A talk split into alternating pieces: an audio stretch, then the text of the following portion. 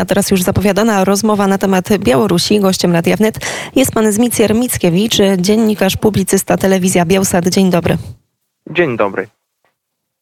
Dziś mija dokładnie 100 dni od czasu zatrzymania przez białoruskie służby Angeliki Borys, prezes Związku Polaków na Białorusi.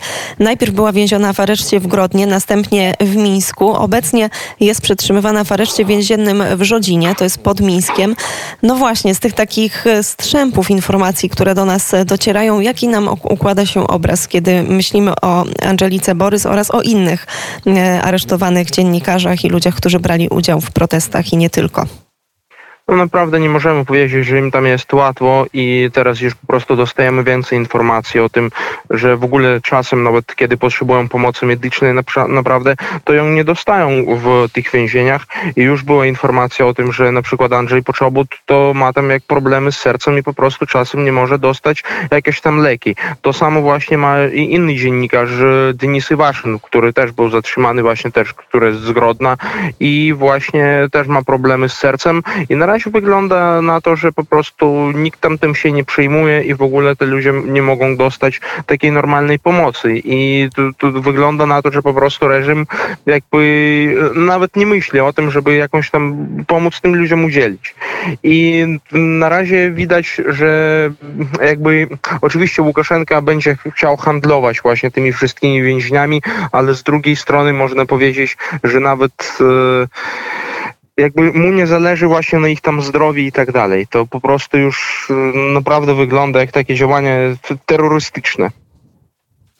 To jeszcze tutaj na chwilę zatrzymajmy się także przy Angelice Borys. Takie informacje przekazała także szefowa dyrektor telewizji Bielsat Agnieszka Romaszewska-Guzy dziś, dziś w mediach, że niepokojące informacje właśnie wychodzą od Angeliki Borys dotyczące jej stanu zdrowia. On miał wyraźnie się pogorszyć podczas tego pobytu w, w Rzodzinie, w tym więzieniu. Mówi się o tym, że ma ona zaostrzające się takie niepokojące objawy, które są związane z wcześniej leczoną już chorobą kobiecą, ma także poważne problemy mm, z zębami. No i teraz też takie pytanie, bo kilka tygodni temu o media mm, tak naprawdę obiegła informacja dotycząca tego, że mm, władze białoruskie zaproponowały między innymi Angelice Borys powrót do Polski, prawda? Mamy też dwie mhm. Dziennikarki, którym udało się do nas przyjechać. I co wiadomo na temat tej sprawy? Bo najpierw mieliśmy informację, że Angelika Borys odmówiła tego przyjazdu do Polski. Teraz gdzieś krążą takie informacje, że miała ona się zgodzić, ale została jednak zatrzymana nadal przez białoruskie władze po to, aby właśnie mm, mieć taką kartę przetargową w stosunku do Andrzeja mm, Poczobuta. Czy coś więcej pan wie na temat e, tych doniesień? No naprawdę tutaj więcej już trudno coś powiedzieć, bo też właśnie nie mamy informacji z takich, no z pierwszego źródła można powiedzieć. Oczywiście, że wszystko jest tam jakoś tam przekazywane przez e, adwokatów, przez prawników, ale naprawdę mi tak się wydaje, że oczywiście tam e, pani Angelika Borys dostała tą propozycję wyjazdu do Polski, ale odmówiła, no właśnie jak odmówił też Andrzej Poczobut, bo właśnie potem widzieliśmy, że nawet w telewizji Łukaszenkowskiej pokazywali, jak e, były rozmowy z konsultantami konsulem właśnie, którą prowadziło to KGB i też e, rozmowy z, no, no właśnie o to, żeby tych ludzi wypuścić, e, żeby jakoś tam przeprowadzić ich do Polski i też pokazywali, jak wywozili do Polski tam innych działaczek e, te, tego Związku Polaków na Białorusi. No i to no właśnie o to chodziło, żeby zrobić taki jakby taki obrazek i pokazać to, że właśnie te ludzie tam odjeżdżają z Białorusi i tak dalej, ale po prostu pani Angelika Borys, no i Andrzej Poczobut wiedzieli, że to będzie w taki sposób wykorzystane i to odmówili.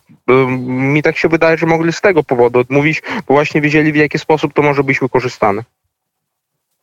A proszę jeszcze powiedzieć, jak na Białorusi została przyjęta mm, decyzja Aleksandra Łukaszenki o tym, aby Białoruś e, wyszła z partnerstwa wschodniego. To była ta jedna z ostatnich decyzji. Także mm, został o wyjazd, tak naprawdę można powiedzieć wyrzucony, został ambasador Unii Europejskiej na Białorusi. Czy jakieś większe komentarze mm, gdzieś się pojawiły?